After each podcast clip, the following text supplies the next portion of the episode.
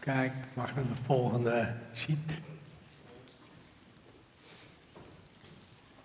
Ja, ik wilde beginnen met uh, wat liederen. Uh, kleine fragmenten te laten horen. Van een paar liederen die ik zelf mooi vind en een paar die ik helemaal niet mooi vind. Maar wel heb ontdekt dat andere mensen daardoor geraakt worden. En dat is toch wel echt heel bijzonder. Hoe God jou kan raken met een lied. En je ziet dan iemand anders die denkt van nou, ik, ik snap hem niet. Of andersom, dat jij iemand ziet, denk van nou, kan die zo geraakt worden door dit lied? Het is toch een vreselijk liedje. Echt lelijk. Maar dat kan God. Want God kent jou precies wat jij nodig hebt en hoe jij bent gemaakt. Ik wist een hele lange tijd, nog steeds een gedeelte niet, hoe ik in elkaar zit, wat ik leuk vind. En ehm, om eerlijk te zijn, mijn verleden ben ik ook een deel vergeten. Hele mooie, lange verleden. Maar daar heb ik om gevraagd. Komt straks wel het verhaal. Geheugenverlies kan soms een zegen zijn. Goed, uh, zou je willen klikken? Dan horen we het eerste. Oh, je hoort de liederen niet. Uh,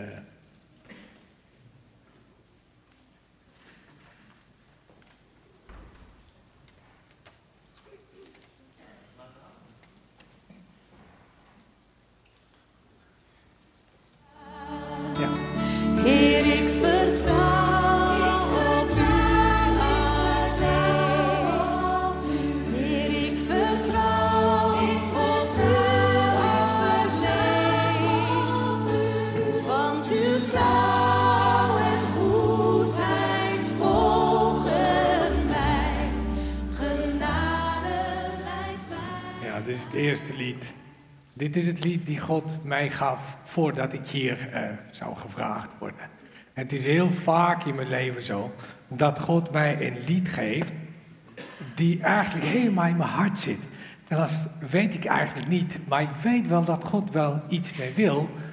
Maar zo spreekt Hij met mij, ook met liederen. Hij geeft me een lied en dat dat komt straks wel een keertje uit. Dit lied heb ik al uh, een maand eigenlijk in mijn hart.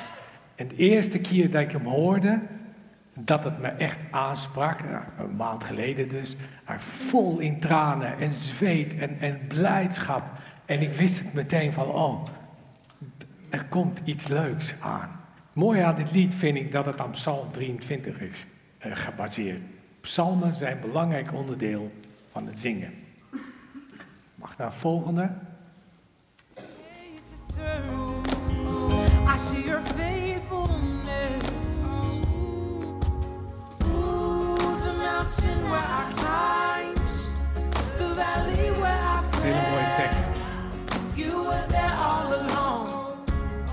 That's the story I'll tell. You brought the pieces together. Is dit het lied wat jou aanspreekt? Stel dat God zou praten. Wat zou achtergrondmuziek zijn? Stel dat God hier zou staan en tegen jou zou praten. Zou dit het eerste lied jou aanspreken? Het tweede lied jou aanspreken? Dit lied komt straks uh, uh, ook in mijn uh, verhaal. En Jan vertelde toen ik lid van de kerk werd, gaf ik mijn getuigenis. Dit lied gaf God mij ook weer een maand ongeveer van tevoren. En toen ik hem hoorde de eerste keer, was gewoon die verliefdheid weer, die tranen, die blijdschap. En het teken van, er komt iets. Je gaat een verhaal vertellen, een storyteller. Heel bijzonder, want de meeste liederen heb ik pas later door van, oh, dat bedoelde u hier. Volgende. Echte jazznummer. Een van de echte liefhebbers bij ons. Dave Brubeck. Ik weet niet eens of hij christen is of... Maar is een van de uh, cornerstones van jazz. Heel bijzonder, vijf kwartsmaat. 1, 2, 3, 4, 5, 1. Ja, normaal heb je vier kwartsmaat of drie kwartsmaat. Maar dit liedje is zo mooi gemaakt en zo makkelijk gespeeld. Dat je denkt van, oh, dat kan ik ook wel. Dan ga je er achter de piano en denk hè? Hoe, hoe doet ze dat? dat is het mooie. Maar dat kan jou ook aanspreken. Dat je denkt van, dit is hoe God tegen mij praat. Volgende lied is speciaal voor jou, Lau.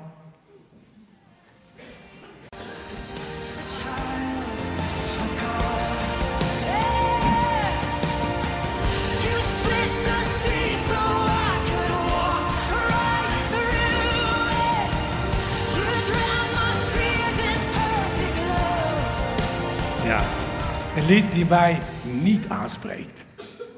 Het is echt niks voor mij. Als God zo tegen mij zou praten, zou ik meteen denken: Oh, eh, wat nu weer? Het is echt niks. Maar ik heb een broer die dit heel mooi vindt. Nou, volgende lied, die spreekt mij echt aan.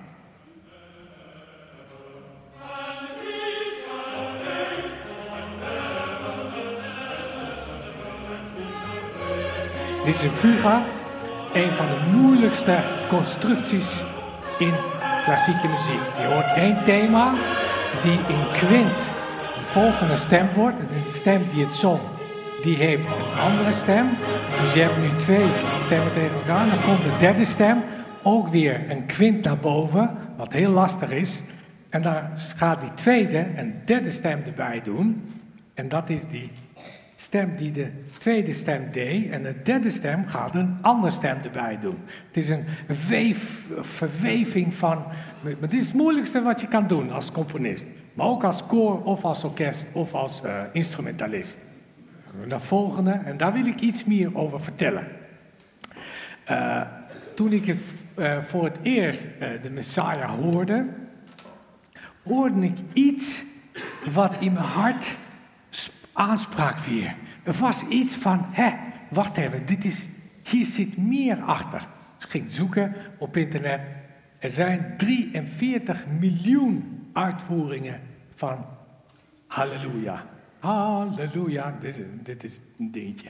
Echt overal wordt het gezongen. Het is meest, een van de meest bekende stukken op YouTube.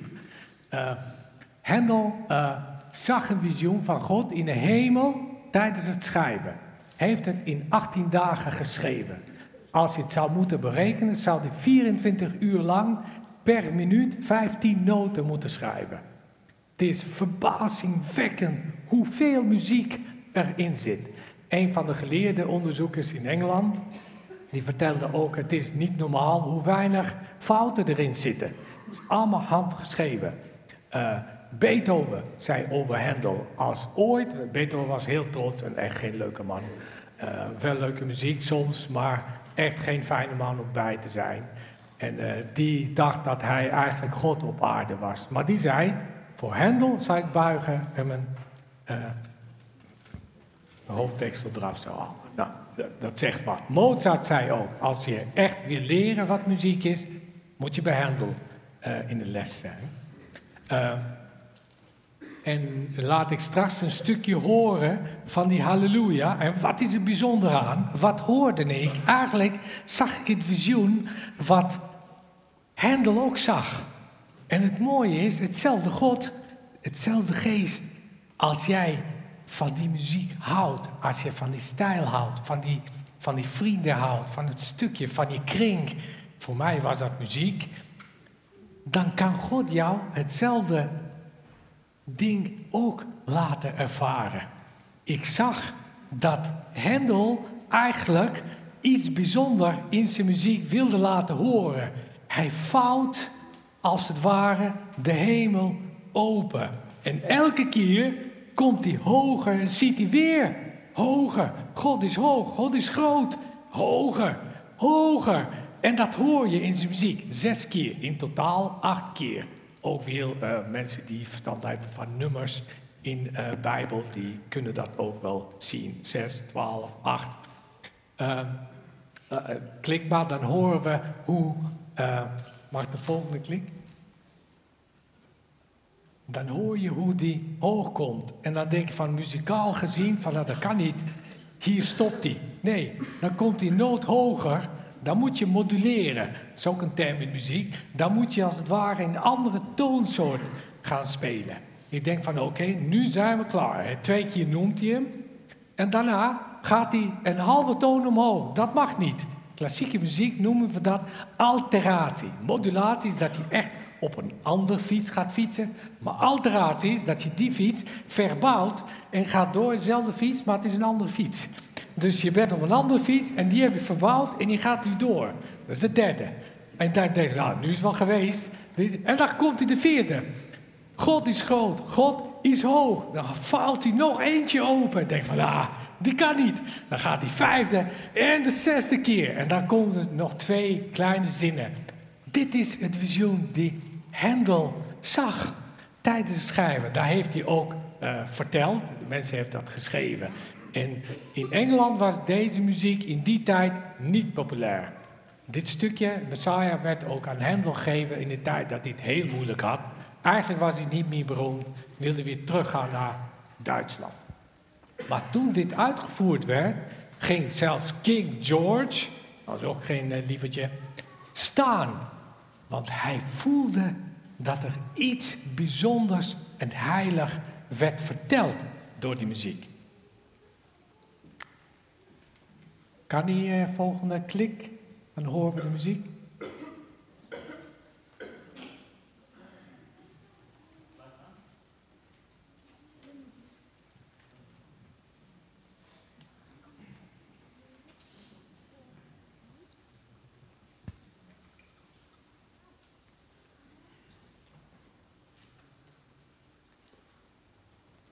Waarom niet?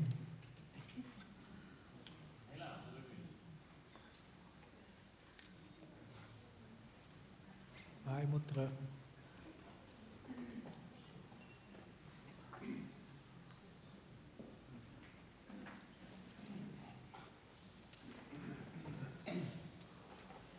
Anders, ga- doen we gewoon, gaan we verder.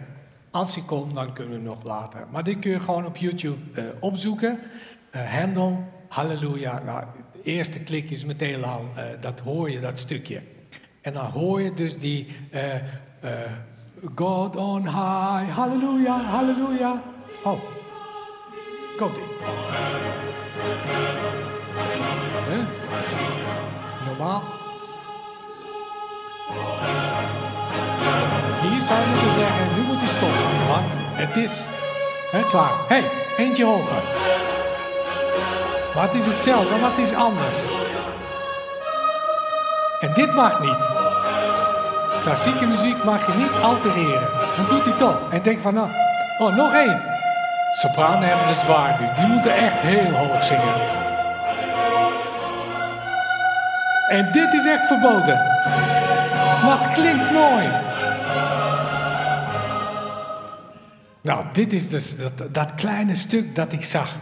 En dat heb ik ook. Waarom herkende ik? Want toen ik een keertje met een gospelkoor eh, dirigeerde, in, in Emmen was dat, of ergens in een van de eh, eh, grote dorpjes, of kleine dorpjes, nou grote dorpjes moet ik zeggen, eh, dirigeerde, eh, had ik een moeilijke tijd in mijn leven. En ik vroeg me ook tijdens dirigeren af, van God, vind je dit wel leuk? Doe ik het wel goed? Of moet ik dit wel doen? Moet ik niet iets anders gaan doen? Het is allemaal hetzelfde steeds en doe echt mijn best, maar ben ik nou een uitvoerder? Of ben ik nou een dienstdrager? Zit ik bij u in, in, in uw concert? Kijkt u wel mee? Of doe ik maar gewoon net zoals klassieke muzikant? Ik ben afgestudeerd, Master of Arts, diri- dirigent, ik was concertpianist vroeger. Eh, dus ik weet wat uitvoeren is. Ik weet wat, wat die aandacht eh, eh, is. Maar dit is anders. Hier ben je voor God. God. En toen zag ik. eh, zag ik God komen. En ik zag een enorme eh, opening komen voor mij. Het koor stond hier. En, ik, ik, en ze zeiden nog daarna: Je straalde ineens. Ja, vind je het gek? En, en God kwam en hij stond daar met, met heel veel engelen of publiek, ik weet niet, maar hij, en hij vond het mooi. Ik kon hem zien en dat gaf me zo'n kracht. En het was een mooie dienst. En iemand van het koor ook, die zei, je zag een visioen of niet? Zij weet ik niet. Ik denk, ja, ga ik niet vertellen. Die vindt me gek straks. Ja, zei, ik zag het. Ik, ik zei, nou, ik heb wel iets gezien. Nou, vertel, dus ik heb het gedeeld. En het was mooi. Het, het, het bouwde ons op. Nou, mogen we naar het volgende sheet. En hier wil ik, er zijn twee kleine stukjes waar ik God heb gevraagd. Maar God, stel, de- stel dat ik jou moet dienen als muzikant. Hoe dan? Wat moet ik dan doen? Moet ik beter tech- technisch worden? Of moet je een grotere band zoeken? Of kleinere band? Of eh, met zanger, zonder zanger? Hoe? En dit, dit staat er. Zing voor mij met psalmen, hymnes en nieuwliederen. En hij nog een keer op een ander stuk. En de volgorde is heel belangrijk. Want God doet het niet zomaar. Psalmen, hymnes, nieuwliederen. Dat is mooi.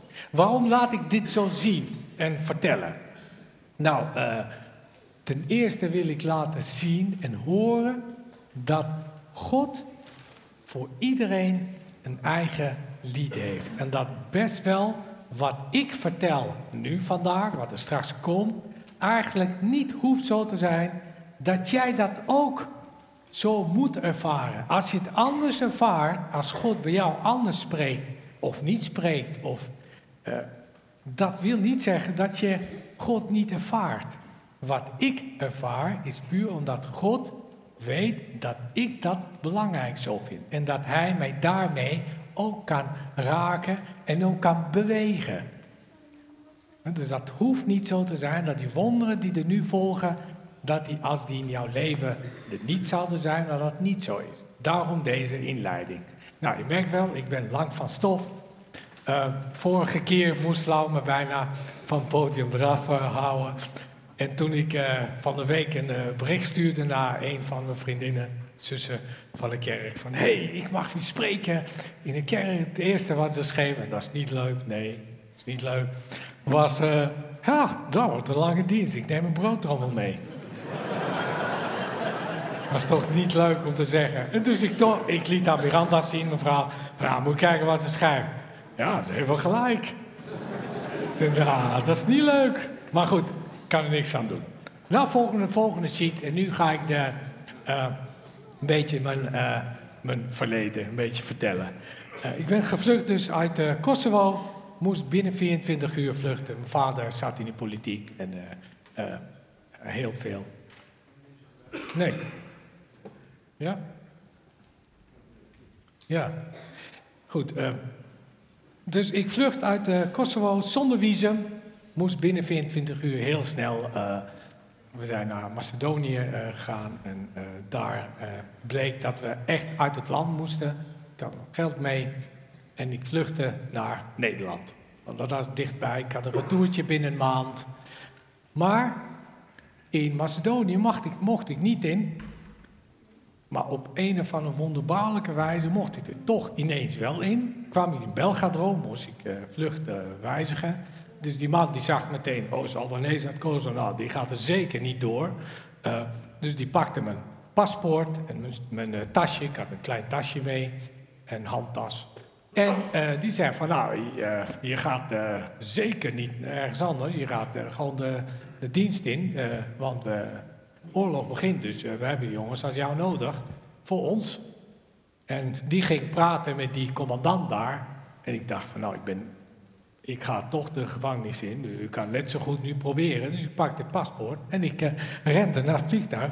En ik eh, stapte erin. En die man zag het. Dus die rende me achter me aan. Maar ik zat al in. En ik zag hem nog zo wijzen van... Je komt terug. En ik sta hier, hè. Je komt terug. Ik denk, ja, nou ja, we zien wel. En ik, sta- ik stond in het vliegtuig zonder visum. Mag niet, maar mocht wel. Dus ik eh, kwam in Nederland bij paspoortcontrole. En die man in Nederland die zei, wat is je visum? "Eh, ik heb geen visum. Ja, ik heb wel, je hebt een visum nodig, ik ga zo terug. Ja, nou... Zei, wat kom je doen eigenlijk, zei hij. Ik zei, ja, ik weet niet, ik heb geld en ik ga in Amsterdam concert kijken, een conservatorium kijken hoe die eruit ziet. En ik dacht dat ik heel veel geld had. Dat is bij ons ook heel veel. Ik had 400 mark, Deutsche Mark mee. 400 ru- eu- eh, gulden in die tijd. Dus ik dacht, nou, ik ben rijk, ik ga naar het hotel. Maar was in Nederland niet zoveel geld. Want alleen een treinticket naar Amsterdam. Ik, had eerst taxi gevraagd en die vroeg 50 gulden of zoiets. Ik denk, wat? Dat is 10% van het hele bedrag, joh. Dus ik naar trein, ik denk, die is goedkoper. Nou, ik zei, nou, ook hartstikke duur. Dus mijn vader gebeld. Goed, eh, terechtgekomen hier, asiel aangevraagd, want oorlog begon echt. En eh, toen kwam ik in een asielzoekerscentrum in Roosendaal bij Velp. En eh, in Roosendaal eh, hadden ze een bijbelstudie voor christenen die gevlucht waren. En ik verveelde me stierlijk daar, dus ik vroeg ook, mag ik een keertje mee? Nou, ze zei, je mag wel mee, maar we studeren de Bijbel en ken je dat ook? Ik zei, nou, geen idee wat dat is, maar joh, ik doe toch niks en volgens mij is het wel gezellig bij jullie. Ja, kom maar mee. Ik mocht mee en ik weet niet wat het was, maar het me zo wat die mensen hadden. Ik denk, dat wil ik ook. Dat wil ik ook. Dus ik vroeg aan ze van, hoe, hoe, hoe werkt dit? Wat, wat is dit? Nou, we zijn christenen, ze vertelden een beetje het verhaal. En ik was gewend van moslim, ik was moslim toen, dat je heel veel dingen moet herhalen en dan is God soms wel gezind bij jou. Of Je moet formules weten, dat is belangrijk. En die mag steeds herhalen en in een soort trance komen of zoiets. Dan. Dus ik vroeg naar van nou, ja, ze ja, ja, dat hebben we niet. Je moet gewoon vragen. Zeg, maar wat, wat is de formule? Ja, die hebben we niet. Zeg, wat zou jij doen dan? Ja, ik zou gewoon op mijn knieën gaan en zeggen, God, ik ben zondaar. En ik wil dat u eh, in mijn leven komt. Ik denk, oh, onthouden, dat is de geheime formule. Maar hij, hij vertelt het niet zo, zo, zo direct. Dus onthouden en, en ik zei, en in die boekjes dan, ja, dat is de Bijbel. En ik zei, waar, kan ik daar ook wat mee? Ja, dat kun je wel inlezen, dat is belangrijk, maar je verstaat hem toch niet, want je hebt Heilige Geest nodig. Ik zei, wat is daar de formule van? Ik zei, nee, dat is geen formule, dat is gewoon Geest van God. Die gaat jou die Bijbel vertalen. En ik geloofde het gewoon. Ik dacht van, ja, dat, dat, dat, dat is zo. Ik zei, nou, geef maar. Dus die jongen zag ik echt van, nou ja, het wel. Nou. Dus ik meteen eruit. Ik denk, ik moet nu naar mijn kamer gaan. Want ik weet nog die woorden. Die moet ik precies zo herhalen, anders werkt het niet. En ik ging op mijn knieën. En ik heb gebeden. Het gebed. En ik, eh, ik denk, ik open die eh, Bijbel en dan kijk ik wat, wat God zegt. Dus ik had verwacht dat hij nu gaat zeggen: Grote strijder, machtige krijger, ik zegen jou in Jezus' naam. Maar wat stond erin? Vergeef je vijanden. Nee, dit is niet mooi. Ik kom net aan oorlog. Mensen zijn elkaar vermoorden. Mijn familie is bijna eh, uitgeroeid zo. En nou, vergeven is toch niet zo mooi. Ik denk, nou, pak een ander stuk. Er is vast wel een leuk stuk in, eh, die mij beter past. Dus ik draaide even aan het eind. Staat weer op. Dus ik nog een keer, nog keer. Overal waar ik opende, kon ik maar één zin lezen. Vergeef je vijanden. En dat heeft God gedaan een hele week lang. Elke dag één zin, een andere zin. Waar ik maar ook probeerde, was maar één zin. God wilde me genezen. En ik merkte ook dat er een genezing kwam in mijn, in mijn hart, in mijn ziel. Op een gegeven moment kon ik ze ook echt vergeven. Eh, zo eh, kwam ik eh, met die mensen weer in gesprek. En ik vroeg aan hun van, nou, zou ik met jullie mee naar de kerk mogen? Oh ja hoor, dat kan. Daar, daar is de kerk, dus kom maar een keertje. En ik was natuurlijk te laat in de kerk. Die begon al om negen uur. Ik was om nou, bijna tien uur daar op mijn fiets. Ik kwam naar binnen en er zat een mooie band, net zoals wij. En die waren zingen, heel zacht. En iedereen zat en ogen dicht en handen gevouwen. Dus ik denk, ik doe mooi mee zoals iedereen, dan val ik ook niet op.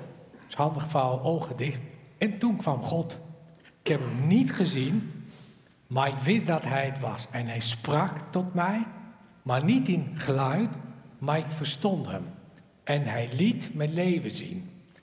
En ik zag ehm, een, een heel, mijn hele leven volledig vrij. En God zei, Benny, hij noemde mij op mijn naam, hij, hij wist mijn naam. En hij zei, dit is mijn leven die ik aan jou heb gegeven. En ik zag mijn leven. En ik zag dat het eh, eh, bij mij was. En ik kon alles zien. Ik heb daar wat beelden geprobeerd te vinden op eh, Google, en, maar dat doet inbreuk in wat, wat ik eigenlijk zag. Dus beter helemaal niks. Ja, wat ik zag dus het hele leven. God zei, Benny, dit leven is nu in jouw handen. Wil je het zelf doen? Of wil je het teruggeven dat ik het heb, zodat wij het samen doen? Ik zal dan jouw leven weer leiden. En ik had volledige vrijheid. Er was niet zoiets van, bam, als je nu niet hebt leven. Dat was volledige vrijheid. En ik zei ja.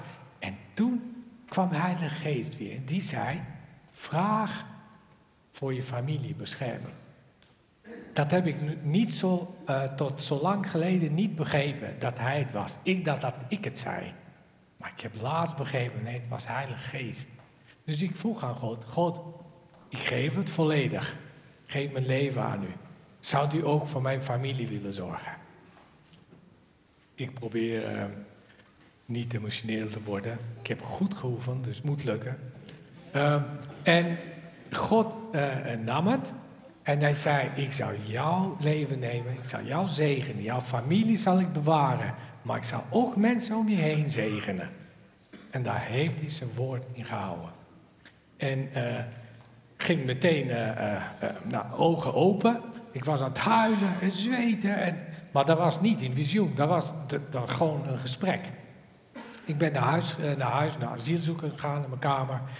En uh, daarna Bijbel gelezen en toen kwam ik dopen tegen. Dus ik naar de jongens weer, binnen een paar dagen van, ik wil dat ook. Ja, nou ja, weet je wat het is? Ik zei, nee, maar Jezus doet het ook, dus ik wil het ook. Maar dat is ook best wel, best wel een stap, hè. Je, je bent eigenlijk niet echt, uh, je weet eigenlijk niet wat het is. Ja, maar ik, dus ik stond erop, ik wil het ook. Nou, zondag gaan we dopen zou kunnen dopen. Maar goed, uh, ja, we kunnen niet ja of nee zeggen. Anders kom je vanavond maar uh, in, bij de oudsten en die kunnen misschien daar beter over vertellen. Dus ik zei, nou, daar gaan we. Nou, ze zijn nu bezig. Zei, nou, dat is mooi, dan kunnen we nu naartoe. Nou, nou ja, ga jij maar, dan kunnen wij de Bijbelstudie aan. Dus ik op de fiets weer naar de kerk, kwam binnen en ik vertelde zo Oh, zei ze, ja, dat is een bijzonder verhaal. Maar weet je, anders gaan we in een kring even bidden en kijken wat God over zegt. En toen kreeg een van die voorgangers uh, een profetie of woorden uh, uh, in zijn hart en die sprak het gebed. En het waren precies hetzelfde woorden als God mij net een paar dagen geleden had verteld. Benny, ik ken jou, je bent mijn kind, ik zal je zegenen. En, en, en die man die kijkt naar me aan, weet je wat het is? En, hè, er zijn woorden en ik wist eigenlijk helemaal niet wat het is. Een profetie en dat soort dingen daar had ik nooit van gehoord. Maar ik schaamde me om nee te zeggen, omdat het een hele kring was en allemaal volwassen mensen. Ik was 19 net. En, dus ik zei, ja, dan weet ik wat het is. En uh, weet je hoe bijzonder dat is? Ja, geen idee dat het bijzonder was. Voor mij was het gewoon 1 en 1 is 2. God, ja, ik ken die woorden wel. God zei ze uh, een tijd geleden, dus die, ik wil dopen. Dus die mensen zeiden, nou, we gaan niet dopen. Zondag, uh, vroeg kom je hier en dan heb je doop. Dus toen kwam het tweede visioen. Ik pakte mijn fiets, ik denk, ik ga naar huis. Wil je niet bidden even met ons of staan? Ja, ik zei, ik moet naar huis. Dus ik de fiets op en toen kwam tweede visioen. Ik ging naar mijn asielzoekerscentrum, en daar heb je zo, bij Roosendaal is best wel een rijke buurt daar waar we uh, stonden. En echt mooie essen, een schitterend mooi weggetje met de fiets. En toen was een hele dichte mis. Allemaal, ik weet niet wat ze waren, maar hemelse engelen of, of iets, ik weet niet wat, maar heel dik. En alle engelen die baanden de weg open. En ik hield de fiets zo erg vast dat ik echt blauwe handen had. Want ik was van overtuigd, als ik hem los zou laten, zou ik gewoon eraf vliegen. En toen sprak Heilige Geest weer. Ik zei, Benny, dit was tof, misschien een lange dienst, hè? Maar goed. Uh, Benny, ik probeer snel te praten, anders... Uh, en Benny, God heeft jou een soort tijdmachine net uh, laten zien, hè, met die visioen. Dat hij in één minuut je hele leven liet zien. En dit hele gesprek en alles gewoon heel kort en je verstond alles in de breedte en diepte. Vraag nu, ga naar je telefoon en vraag God of hij dit ook met jouw moeder wil doen. Dat jij kan uitleggen aan je moeder dat het wel eh, dat het goed met je zit. Want ik, we kregen 20 gulden eh, per week en dan kon je bel te goed bellen. En vroeger had je van die eh, telefoontjes, moest je echt wachten tot je contact had. Dus je kun je voorstellen, 100 asielzoekers, de, altijd een rij, want was maar één telefoon, voordat iedereen daar in de buurt was. Dus ik vroeg God, wilt u aan mijn moeder in dat ene minuut dat ik eh, zo'n beltegoed had, uitleggen hoe u bij mij ook deed, dat het wel goed met mij zit, dat ik hier veilig zit, dat ik u heb ontmoet en dat, maar dat lukt maar steeds niet. Dus ik ging naar binnen en ik loop naar het telefooncel, niemand. Ik denk, oh ja, dit is mijn kans. Dus ik naar de telefoon, ik doe de kaartje erin en ik eh, bel. Ik denk, nou, een kwartiertje hebben, dan heb ik ze. Meteen, eerste keer, bam, contact. Ik denk, hé, hey, dat is ook gelukt. En eh, eh, telefoon gaat en mijn moeder. Dus ik begin het gesprek gewoon van de op, opwinding was ik al vergeten om te vertellen of aan te vragen nog een keer aan God, oh God, nu de wonder doen. Maar ik dacht, als ik dan bid, dan komt het toch. Als ik niet bid, dan komt het niet. Heel verwarrend in mijn hoofd, want ik wist niet hoe het werkte. Maar dat ding ging niet terug. Hij stond normaal op 20 en dan gaat hij meteen 19, 18. De laatste drie eh, tellen doet hij altijd ta, ta, ta, en dan sluit hij af. Eh, maar hij ging maar niet verder, hij bleef op 20. Dus gevoelsmatig zei mam, hij gaat nu afsluiten, maar hij, eh, volgens mij is het display stuk. Maar je hoort straks de drie eh, eh, toontjes en dan is het over. Maar ging niet. Dus ik kreeg mijn vader telefoon, mijn broertje, daarna buurvrouw, buurjongen, broertje is ondertussen naar mijn tante, andere flat gegaan, tante aan telefoon, neef, nicht. Toen kreeg mijn moeder weer aan de telefoon en die zei, nou, ik ben blij, een groot gesprek, goed gesprek. Ik snap dat het goed met je gaat. Ah, ik heb zo geoefend, hè. Mijn vrouw die zei, je moet niet emotioneel worden, dus ik doe echt mijn best. En en toen, eh, toen ging die toon. Drie, ta, ta. En toen af, afgelopen. Afgelopen. En ik was zo blij. Ik ging naar mijn kamer. Ik prees hem. Ik was blij en gelukkig. En ik vond het bijzonder, maar ik vond het meer normaal. Want ik zocht de God die bij me stond. Die dingen deed in mij die ik wilde, maar niet wist hoe. Dus God van wonderen. Eh, en eh, daar ontmoette ik in Velp ook een oma. Oma van Velp. De Jaski de Jong. En een mevrouw die heel veel had meegemaakt. eh, eh, best wel leeftijd. Had in Jappenkampen gezeten. eh, dus die, die snapte wel de oorlog. En die vroeg aan mij, speel je piano?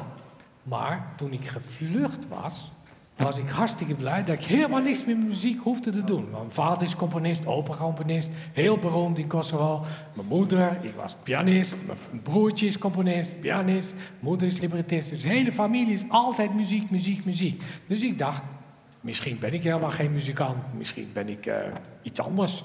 En eh, het is nu tijd om dat te ontdekken, want ze zijn er toch niet bij, dus kan ik doen en laten wat ik wil. Dus ik, maar zij zei, zij voor mij mijn piano willen spelen. Want ik kan al drie jaar niet spelen, want ze had iets in de eh, handen, kon niet meer. Nou, liever niet, nou, alsjeblieft. En ze zei, ik ga naar een andere kamer, dan hoef jij niet te zien, want waarschijnlijk word ik emotioneel, maar als jij mij bespeelt. Dus ik met echt tegenzin van, oh, moet ik alweer muziek doen? Ik was er zo vanaf. Hoe weet ze dat nou weer? Dus ik naartoe en ze gaf mijn Bijbel, eh Matthäus Bijbel, in het Engels. Oh, mooi zeg. Wat, wat wilt u dat ik speel? Oh zij zei, ik wil de piano horen. Maakt me niet uit. En ze pakte een kop thee, andere kamer. En ze ging zitten. En ik ging de piano raken. En die eerste akkoorden, die gewoon, ik zette gewoon mijn handen gewoon neer. Vol tranen. Vol God zei van, hoe kun je dit weglaten, Benny? Dit is wie je bent.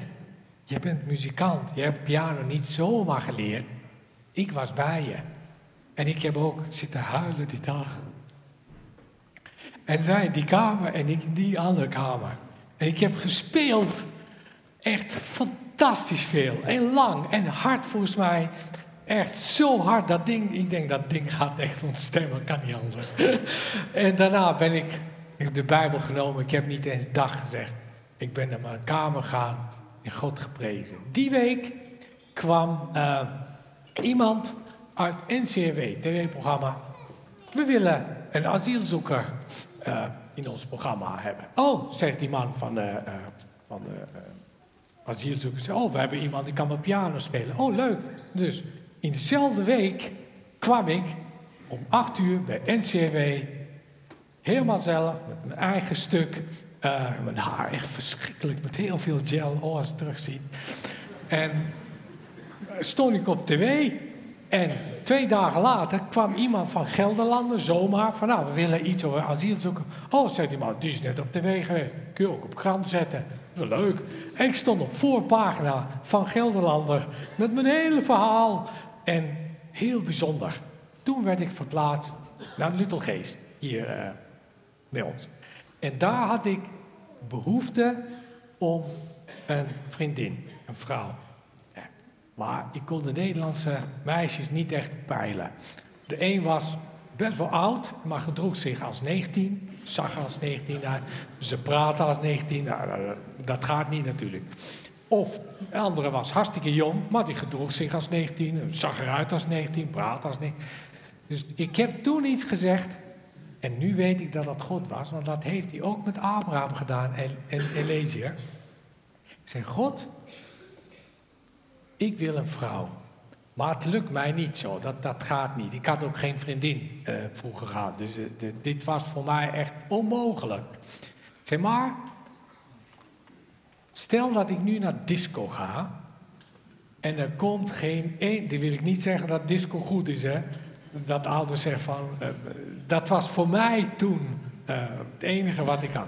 Maar als ik naar disco ga en er komt geen meisje naar me toe, maar één. Want als er twee komen, dan weet ik weer niet. Dus één, als er één meisje is die u denkt van, dat is jouw vrouw, die is goed voor jou. Laat die naar mij toe komen. Mag niet, mag niet te sexy eruit zien. Ook niet te belabberd natuurlijk. Maar een beetje, een beetje gewoon. En die moet gewoon leuk. En moet vooral vrolijk en lachen. En niet raar vragen stellen. Gewoon normaal, wat bij mij past. En er kwam niemand die avond. Ik was nooit in disco geweest. Ik ben daarna ook nooit geweest. Jammer genoeg voor Miranda, maar die houdt wel van disco. En niemand kwam. Aan het eind van de avond kwam Miranda. Precies volgens afspraak. Kwam naar me toe. Deed precies zoals eh, ik had verwacht. Lachte naar me toe. En gaf een hand en vroeg, nou, wat doe je? Ik nou, ik ben concertpianist, ik ben net op tv geweest, ik ben in voorpagina in de krant geweest. Die dacht van, ja, tuurlijk. je woont toch in een asielzoekerscentrum? Ik zei, ja. Eh, ja. Zei, maar wat bedoel je nou? Piano. Kun je piano spelen dan? Ja, natuurlijk kan piano spelen. Dus ik probeerde stoer te doen. Nou, zei ze, weet je wat? Volgende week is een vriendin van mij jarig. Kunnen we even naartoe gaan? Vind je het leuk? Maar wat die wilde, was om mij te testen of ik wel piano kon spelen. Dus ik ben na- naartoe gegaan en die vriendin had een enorme mooie vleugel. Echt een superleuk ding. Dus eh, ik ging erachteraan en ik begon. Ik denk, zo even plagen. Maar daarna ben ik wel gewoon gaan spelen. En toen had ze wel door van, nou, Benny is volgens mij wel, wel oké. Ehm, goed, in de- tijdens het dopen trouwens, dat wil ik ook niet, eh, niet vergeten. Dat was dus in die asielzoekerscentrum. Eh, vroegen ze vlak voor dopen, eh, wat is je eh, lievelingslied? Wat wil je? Ik denk, lievelingslied, weet ik het. Ik ben een paar dagen hier, ik heb geen lied. Heb je een wens dan? En toen sprak Heilige Geest daar tegen me en zei, vraag aan God geheugenverlies. Vraag dat God jouw geheugen wist wat niet goed in je is. Dan hou je over alleen wat goed voor je is. Nou, ik doe een wens wel, doen jullie maar het liedje. Ik weet niet wat wenslied ze hebben gekozen, maar ik heb dat gevraagd. Ging onder water, ik kwam eruit. En ik was echt bijna alles kwijt. Alles wat niet hoefde.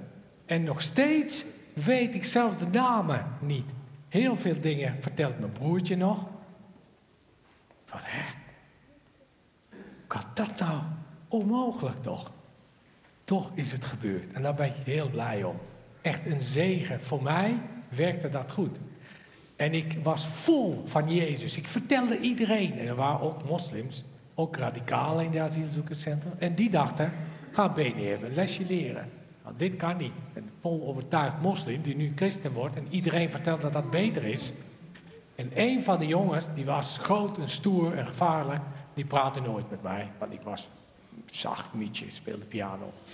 Die zei van, anders kom ik een keertje met ons biljarten. Nou, ik mocht nooit in die biljartkamer, want hun stonden daar altijd. Dus ik dacht, oh yes, ik word misschien nog stoer. Dus ik hoorde bij. En ik ging met de jongens beneden. En ik zag eigenlijk in die kamer die andere vrienden, die keken bleek aan van, oh, komt hij wel terug.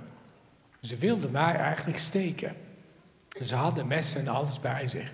Maar toen ik binnenkwam, ik zag het vuur in hun ogen. Maar ik snapte niet. Ik dacht, oh, dat, dat is stoerigheid. Hè? Dat, dat, zo hoort het. En één voor één werden ze een beetje als boos en liepen ze de kamer uit. Tot zelfs die ene stoere man, die liep de kamer uit. En die keek me nog aan zo van, ik snap niet dat ik jou niks aan kan doen. Zo zag hij eruit. En ik dacht, ja, zie je wel, ze vinden me toch een mietje. Ik ben niet stoer genoeg. Dus ik liep teleurgesteld naar boven. En die vrienden van mij, die keken me aan van... "Huh? Wat, wat, wat is er gebeurd? Ik zei, nou, ze wilden niet met me spelen, dus eh, zoals altijd. Nou, nee, ze wilden je steken. Ik zei, nou, ik heb niks gezien. Ja, pas maar op, die doen het zo wel. Maar die jongens waren gewoon uit asielzoekerscentrum gegaan. Van woede dat ze mij niks konden doen. En ik was gewoon beschermd door God. Bijzonder, bijzonder verhaal. Ik moet even lezen hoe het verder. Eh Theo, even gaat. Disco. En toen kwam het natuurlijk. Ik ging vertellen over Jezus, Jezus, Jezus. Ook aan mijn familie. Van, eh, ik ben christen. Ik ben eh, nu. Ik wil Bijbels aan jullie geven. En, maar dat was natuurlijk niet zo best. De hele familie is eh, moslim. Bidden vijf keer per dag. En vooraanstaande moslims. eh, Echt eh, geleerden in, eh, in religie. En ze wezen me af. Ik was geen lid van de familie. Ik was niet goed. En ze zouden me alles aandoen als ik ooit terug zou komen. Ik ben wel teruggegaan met een hele stapel Bijbels in het Albanese. Ik heb ze allemaal gedeeld aan iedereen. En ik weet nog hun verbazing van, wat gebeurt hier? Dat kan toch niet? We hebben een andere bedoeling met Benny. We, we, zouden toch het gesprek nu vo- voeren. Nu komt het en hij deelt Bijbels aan ons. En ik "Wa- zal ik even een stukje uit de Bijbel lezen voor jullie? Dan weten jullie hoe het... eh, Nee, doe maar niet, doe maar niet, zoveel genoeg.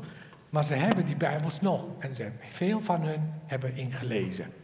En daar ben ik zeer dankbaar aan God. Voor alles wat hij heeft gedaan. Ehm, en toen eh, ging eh, een beetje oorlog echt op de hoogtepunt. 98, 99. Toen zag ik die massa's mensen Albanese naar grenzen eh, lopen. 20.000 man zonder eten. En op dat moment had ik ineens een gevoel. God sprak tegen me: ga nu bidden voor je ouders. Maar zoiets had ik nooit gehad. Ik zei: van God, bent u dat? Hè, wat, wat, hoe, hoezo bidden zomaar? Waarvoor? Nu bidden voor jou. Dus ik ben maar bij het raam gegaan. Ik heb mijn handen boven gedaan. Ik heb gebeden. Ik weet niet wat. Maar God praatte. En toen stapte ik wat zuchtingen. God spreekt tegen jou in. Hij vertaalt jouw zuchtingen naar. Heilige Geest vertaalt ze naar de Vader. Dat is precies wat je moeder doet. Als je het moeilijk hebt en je zegt, maar wat is er nou? Ja, je begint te vertellen en soms weet je niet wat je moet zeggen, maar je zegt. die zucht. Dat snapt je moeder wel.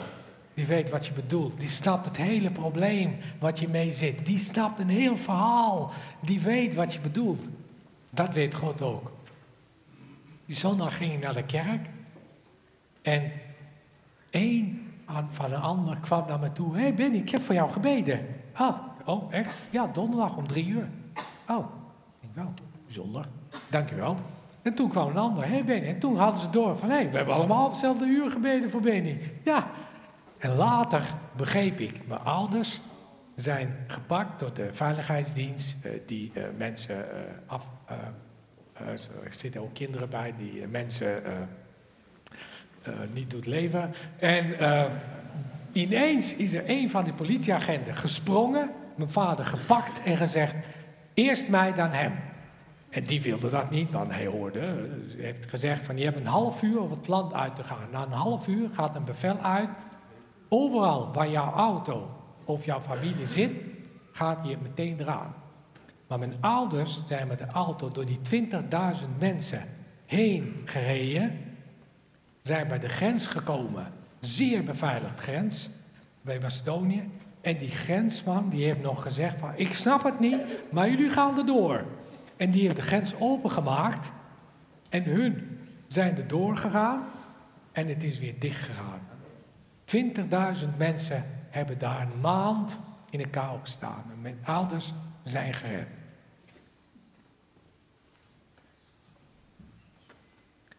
Goed, toen heb ik eh, opleiding willen doen. Conservatorium in Zwolle, Master of Arts gehaald. Ik ben masterdirigent, een van de weinigen.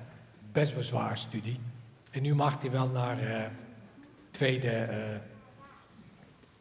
eh, en toen heb ik opera in Kosovo opgericht. Heel veel gedaan, heel veel gedirigeerd. In Kosovo, Albanië, Macedonië, Polen, staatsopera. In Nederland heel veel. En toen raakte Miranda ziek.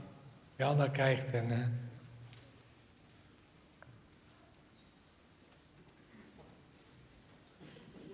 vermoeidheidsziekte.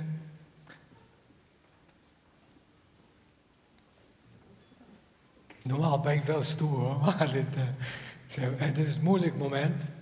En ik moest met alles stoppen. Zij ook, met werk. En ik ook met mijn carrière. En eh, we hebben het moeilijk gehad. En we zijn toen, eh, we wilden verhuizen dicht bij de familie. En dat was hier in Emmeloord, in Polder. We hadden geen geld. Maar die ene avond hebben we gebeden, God, we willen echt wel dichterbij, want het lukt gewoon niet. Voor een klein dingetje moest schoonmoeder komen, moest ik iets doen en dat gewoon, het lukte niet. En toen is die avond iemand in Kosovo bij mijn vader gekomen en heeft gezegd, ik wil jouw huis kopen voor vier keer de prijs. Vader zei, wat, ja, ik wil hem niet verkopen, maar vier keer de prijs, weet je wat je vraagt? Ja, zegt, ik heb met mijn hart vier keer de prijs, nu verkopen. Was precies op de guldens, op de euro's af, wat ik nodig had om een huis in Emmeloord te kunnen kopen. Mijn vader belde op, zou ik het doen? Ik zeg, pa, het is jouw huis, die jouw vader jou heeft gegeven. Jij mag beslissen. Volgende dag belde hij op. Het is verkocht en ik schenk het geld aan jullie. Dat geld hebben we meteen besteed in het huis. En het was, had niet een dag later gemoeten. Want toen gingen de eh, rente en de koersen gingen sluiten, bevriezen. En dan kon je bijna niks meer. Echt een wonder dat we hier... eh, en toen ontdekte ik de fontein. En ik ontdekte de kringen en de gebed. En ik heb een hele mooie kring.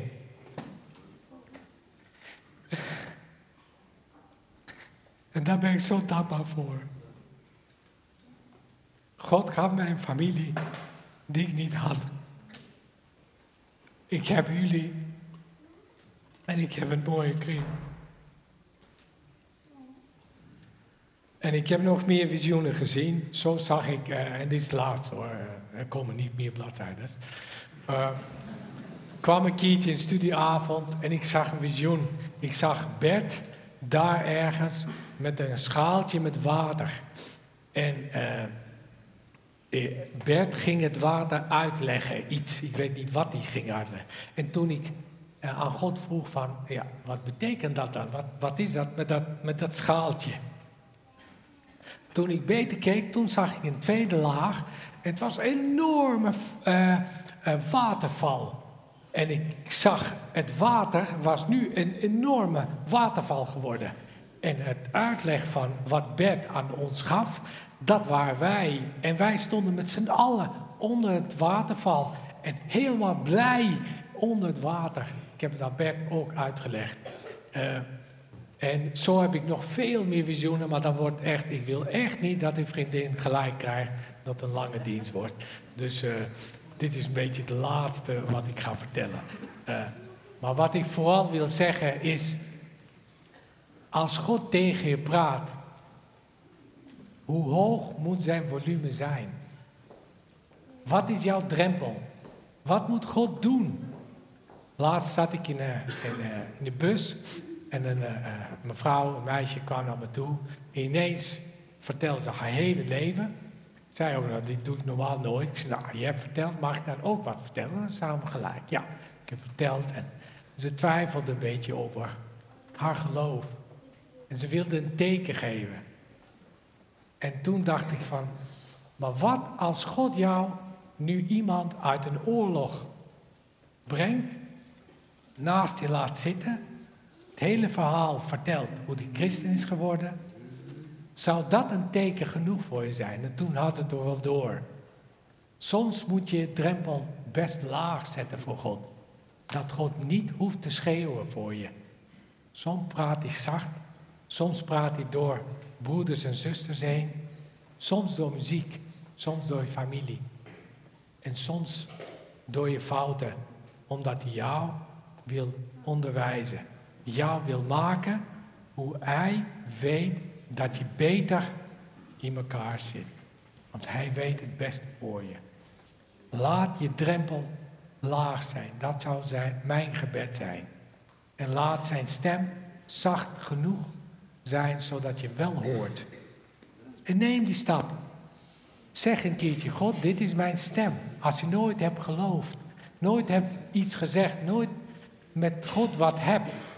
Misschien ben je geen christen of christen en denk je van, nou, dat heb ik nooit. Vraag hem dan. Zeg, God, je hebt mijn stem nooit gehoord. Hier is hij dan. Zou ik jouw stem ook mogen horen?